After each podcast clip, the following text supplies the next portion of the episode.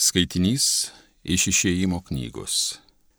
Kai Egipto karaliui buvo pranešta, jog Izraelio tauta pabėgusi, pasikeitė faraono ir jojo tarnų širdies mintys apie tą tautą. Jie sakė savo, ir kaipgi galėjome tai padaryti, kad mes paleidome Izraelitus iš tarnavimo mums.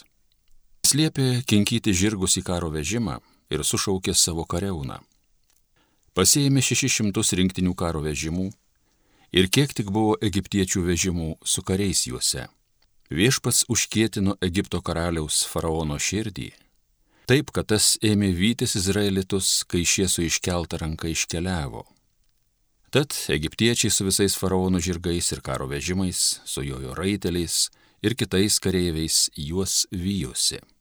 Ir pasivijo, kai tie stovyklavo pajūryje prie Pi Hahirito priešais Baal Cefoną. Faraonui prisartinus, izraelitai apsižvalgė pamatė, kad paskui juos betraukė egiptiečiai. Jie labai nusigando ir ėmė garsiai šauktis viešpaties, o mozei prikaišiojo. Ar Egipte nebuvo kapų, kad tu mus įtyrus išsivedėjai mirti? Ką su mumis padarėjai? Kogi mus išvedėjai iš Egipto? Ar mes tau dar Egipte nesakėme, palik mus ramybėje, mesgi norime tarnauti egiptiečiams. Juk vis dėlto mums daug geriau egiptiečiams tarnauti, nei tyruose mirti. Bet Mozė prabilo į tautą, jūs nebijokite, tvirtai stovėkite ir jūs pamatysite viešpaties pagalbą, kurią jis suteiks jums šiandien. Kaip jūs dabar matote egiptiečius, taip jų nebematysite niekad per amžius. Viešpats kovos už jūs, o jūs pabūkite tyliai. O viešpats kalbėjo Mozijai, ko tu manęs šaukiesi, paliepk izraelitams keliauti, o pats iškelk savo lasdą, ištiesk savo ranką virš jūros, ją perskirk, kad izraelitai galėtų sausumą žengti per jūrą. Bet aš užkietinsiu faraono širdį ir jie iš paskos jūs vysis. Aš noriu būti pašlovintas per faraono, visos jo kareunus, jo karo vežimų ir raitelių likimą Egiptiečiai turi patirti, jog aš esu viešpats, kada faraono, jo karo vežimų bei raitelių likimo aš įgysiu savo šlovę. Tai Dievo žodis.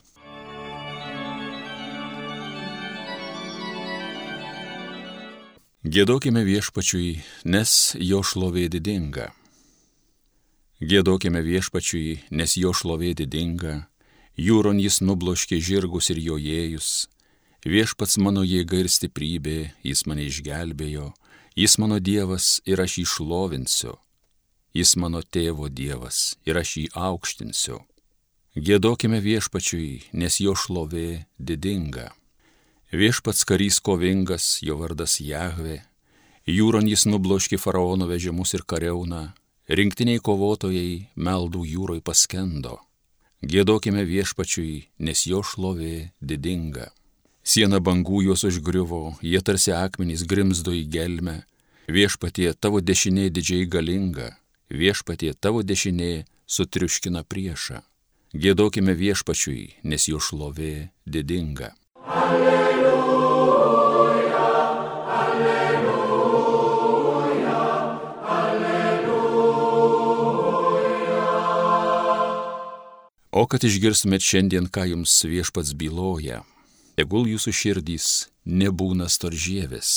Alleluja, alleluja, alleluja. Iš Ventosios Evangelijos pagal Matą. Kai kurie rašto aiškintojai ir fariziejai ėmė reikalauti, mokytojau, mes norime, kad parodytum ženklą. Jis atsakė, pikta ir neištikima karta reikalauja ženklo, bet nebus jai duota kito ženklo, tik pranašo Jonos ženklas. Kaip Jona išbuvo tris dienas ir tris naktis jūrų pabaisos pilve, taip ir žmogaus sunus išbus tris dienas ir tris naktis žemės širdyje.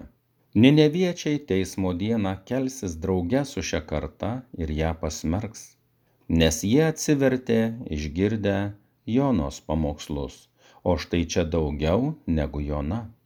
Pietų karalienė teismo dieną prisikels draugę su šia karta ir ją pasmerks, nes ji ėjo iš žemės pakraščių klausyti Saliamono išminties, o štai čia daugiau negu Saliamonas. Tai viešpaties žodis.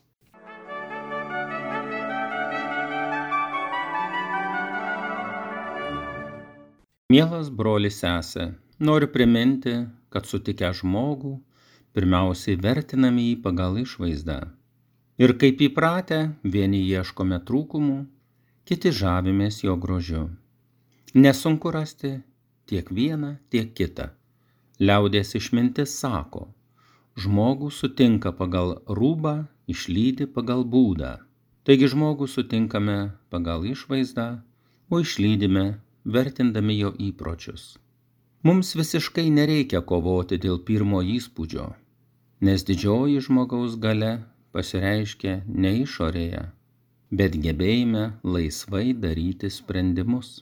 Mes galime laisvai apsispręsti, ko siekti, o galutinėme rezultate galime tai įvardinti kaip pasirinkimą mylėti ar neapkesti. Ir niekas negali šios galios iš mūsų atimti nes ją suteikė Dievas. Tai didžiulė gale, bet tuo pačiu ir atsakomybė, nes sąmoningai apsispręsdami tampame atsakingi ir už pasiekmes. Pirmajame skaitinyje girdime, kad viešpats užkietino Egipto karaliaus faraono širdį. Tai švento rašto būdas nusakyti, kad Dievas žino iš anksto laisvą faraono sprendimą jo išdidžią laikyseną išrinktosios Dievo tautos atžvilgiu. Jis nenorėjo išleisti Izraelio net po didelių Dievo stebuklų padarytų per mozę. Panašiai ir mes, kai užsispiriame kokiame reikale, taip pat nematome Dievo duodamų ženklų ir neklausome sveiko proto. Evangelijoje girdime rašto aiškintojų ir fariziejų reikalavimą duoti ženklą.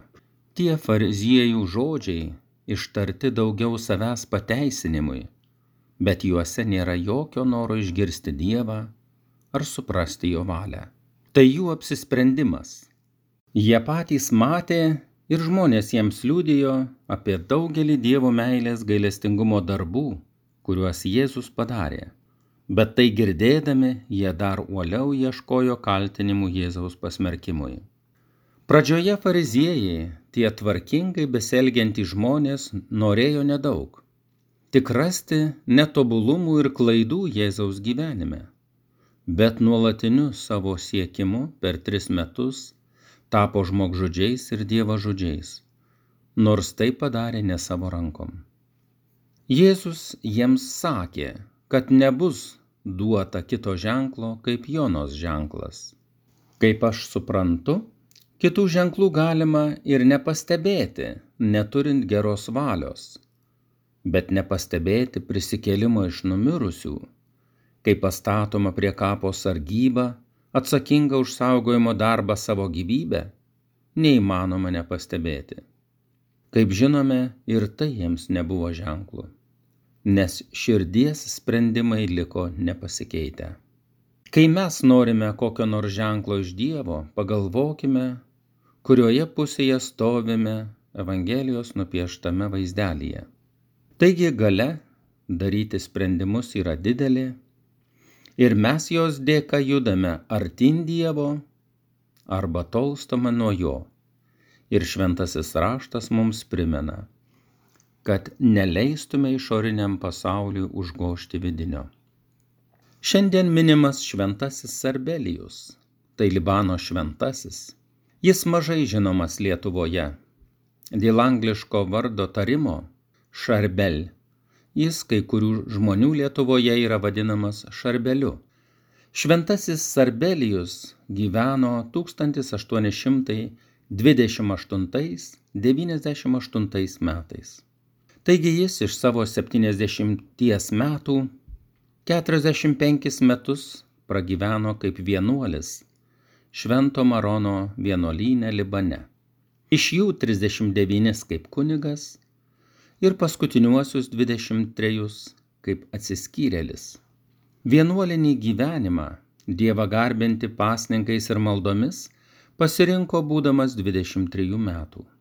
Tiek mes turime iš jo biografijos, kaip jis atrodė išoriškai. O dvasinės jo pastangas liūdija Dievas stebuklais, ne tik krikščionių gyvenime. Pirmieji stebuklai yra įvykę dar jam gyvam esant. Jis paskelbtas šventuoju tik 1977-aisiais. Noriu vieną stebuklą paminėti, kuris įvyko 1950-aisiais. Iki tų metų nebuvo šventojo nei nuotraukų, nei pieštų paveikslų. 1950 metais, gegužės 8 dieną, Atvykęs vienuolių maronitų autobusas aplankyti šventojo Sarbelijaus kapo, po pamaldų nusprendė padaryti keletą nuotraukų prie namelio, kuriame gyveno šventasis.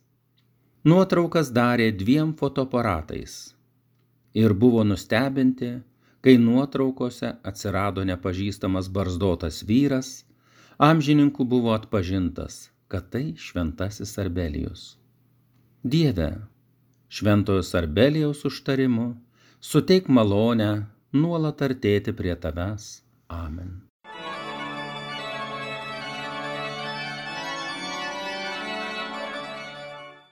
Evangeliją skaitė ir homiliją sakė brolis pranciškonas kunigas Antanas Grabnickas.